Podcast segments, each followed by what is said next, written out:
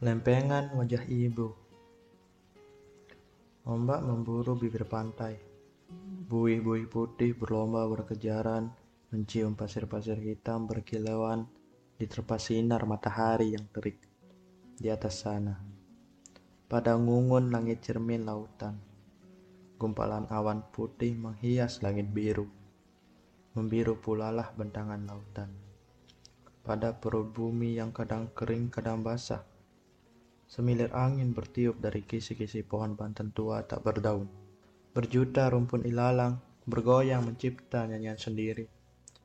Seluruh dedaunan saling bergesekan ketika diterpa angin sepoi.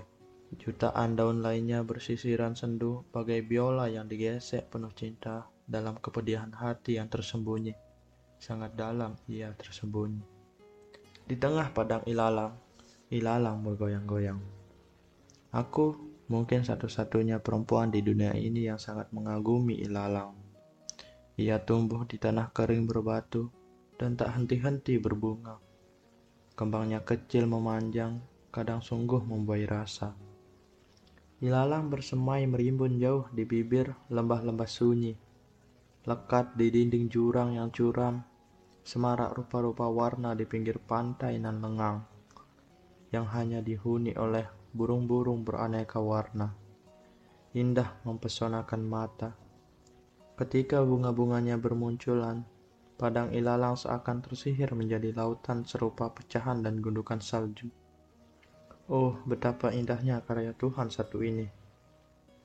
Selalu aku membayangkan diri tertidur di atas lautan bunga ilalang, bercumbu bersama ribuan burung-burung yang sesekali mampir sekedar mengobati kerinduan kerinduan yang terdalam yang sudah lama terpendam dengan menghisap sari bunga yang masih muda. Menghisap hingga tanpa sisa. Aku ingin sekali menggoda ribuan kupu-kupu aneka warna yang sekali dua melintasi padang ilalang itu. Ingin aku terbang bersama kawanan capung berekor merah yang mencari tempat perlindungan agar terasa aman pada musim panas yang teramat panjang. Agar juga tidak terlalu basah ketika musim hujan datang menghantam. Sementara nun jauh di sana, di pemukiman padat kumuh, terdengar suara kipas raksasa pembangkit tenaga listrik bagai kepakan sayap burung garuda yang terus saja menderu tertiup angin. Rumah-rumah penduduk tampak sepi. Sore hari seperti ini, Ibu-ibu dan anak perempuan mereka biasanya tengah mengumpulkan batu hitam di pinggir pantai. Itulah mata pencaharian sebagian besar penduduk di desa Selayar. Desa kecil tapi memanjang mengikuti arah pantai. Selayar terletak di ujung paling timur, bagian selatan Pulau Lombok. Dari Selayar, wajah Pulau Sumbawa paling barat tampak seperti sepenggalah dari daratan. Tidaklah mengherankan jika masa kanak-kanak di desa Selayar Anak kecil berlari telanjang selalu bermimpi menyeberangi lautan, lalu bertengger di kaki gunung berjejer di Pulau Sumbawa yang terlihat menjadi dinding tepi lautan. Kemudian membanggakan Pulau Lombok dari sana, hanya sekedar bisa membanggakan. Tidak sedikit warga Selayar Rizki sebagai penambang batu apung dan batu hitam di pinggir pantai ini adalah rutinitas yang harus dilakoni sebagai penyambung hidup. Kemiskinan memungkus raga ibarat tulang dan kulit, mengharuskan mereka menjadi manusia tangguh dan tak terkalahkan. Lengan kokoh dan jemari yang kuat membuat batu berkeping-keping hanya dengan satu kali hentakan palu yang bergagang kayu serupa tangan. Serupa tangan perempuan itu yang membesi. Tangan menghitam serupa besi. Membelah batu membelah sunyi, mengalahkan deru ombak berbuih coklat. Perempuan-perempuan selayar itu, itulah selayar. Sebuah desa miskin juga terkenal di kalangan pebisnis udang di seluruh penjuru negeri, namun tidak serta-merta membuat dapur penduduk mengepul terus. Tambak udang berhektar-hektar luasnya tidak bisa dinikmati oleh penduduk setempat dengan sempurna. Mereka hanya bisa menjadi buruh kasar di sana dan sebagian mereka adalah pemecah batu dan nelayan. Tambak udang hanya berfungsi sebagai latar belakang menyilaukan jika dipandang dari jauh. desa mereka.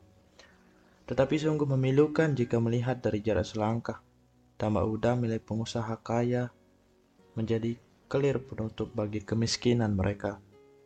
Selayar, salah satu desa di Pulau Lombok yang terus berlayar menggapai mimpi, memburu masa depan dengan dentingan batu membelah bumi, memecah anggun luasnya langit.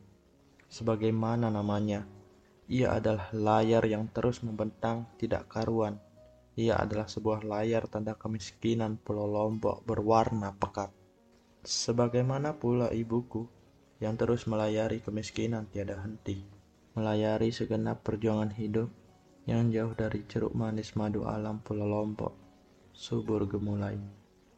Oh ibu, Ketika hari menjemput senja, ibu menyusuri jalan setapak lebarnya kurang dari setengah meter.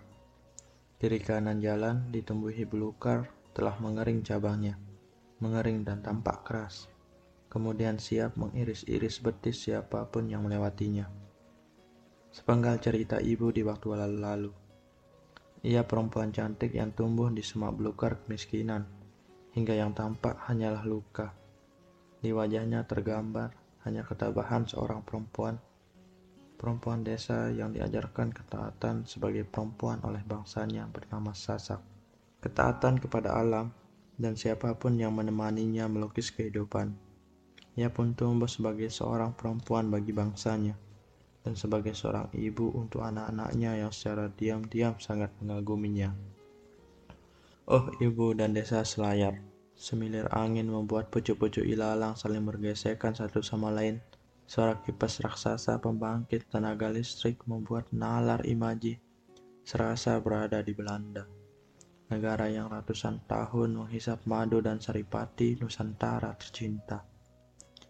Di desa Selayar inilah ibu tumbuh menjadi perempuan desa, sebenar-benarnya desa, perempuan pemecah batu, harus menjadi pemecah batu Seakan hanya batu yang ada di hadapan yang bisa menjadi sumber pendapatan untuk menghalau rasa lapar.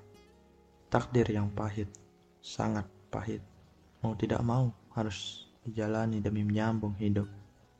Selayar, desa yang tidak menjanjikan apa-apa ketika warga memilih menjadi petani, karena sejatinya Selayar bukan daerah pertanian.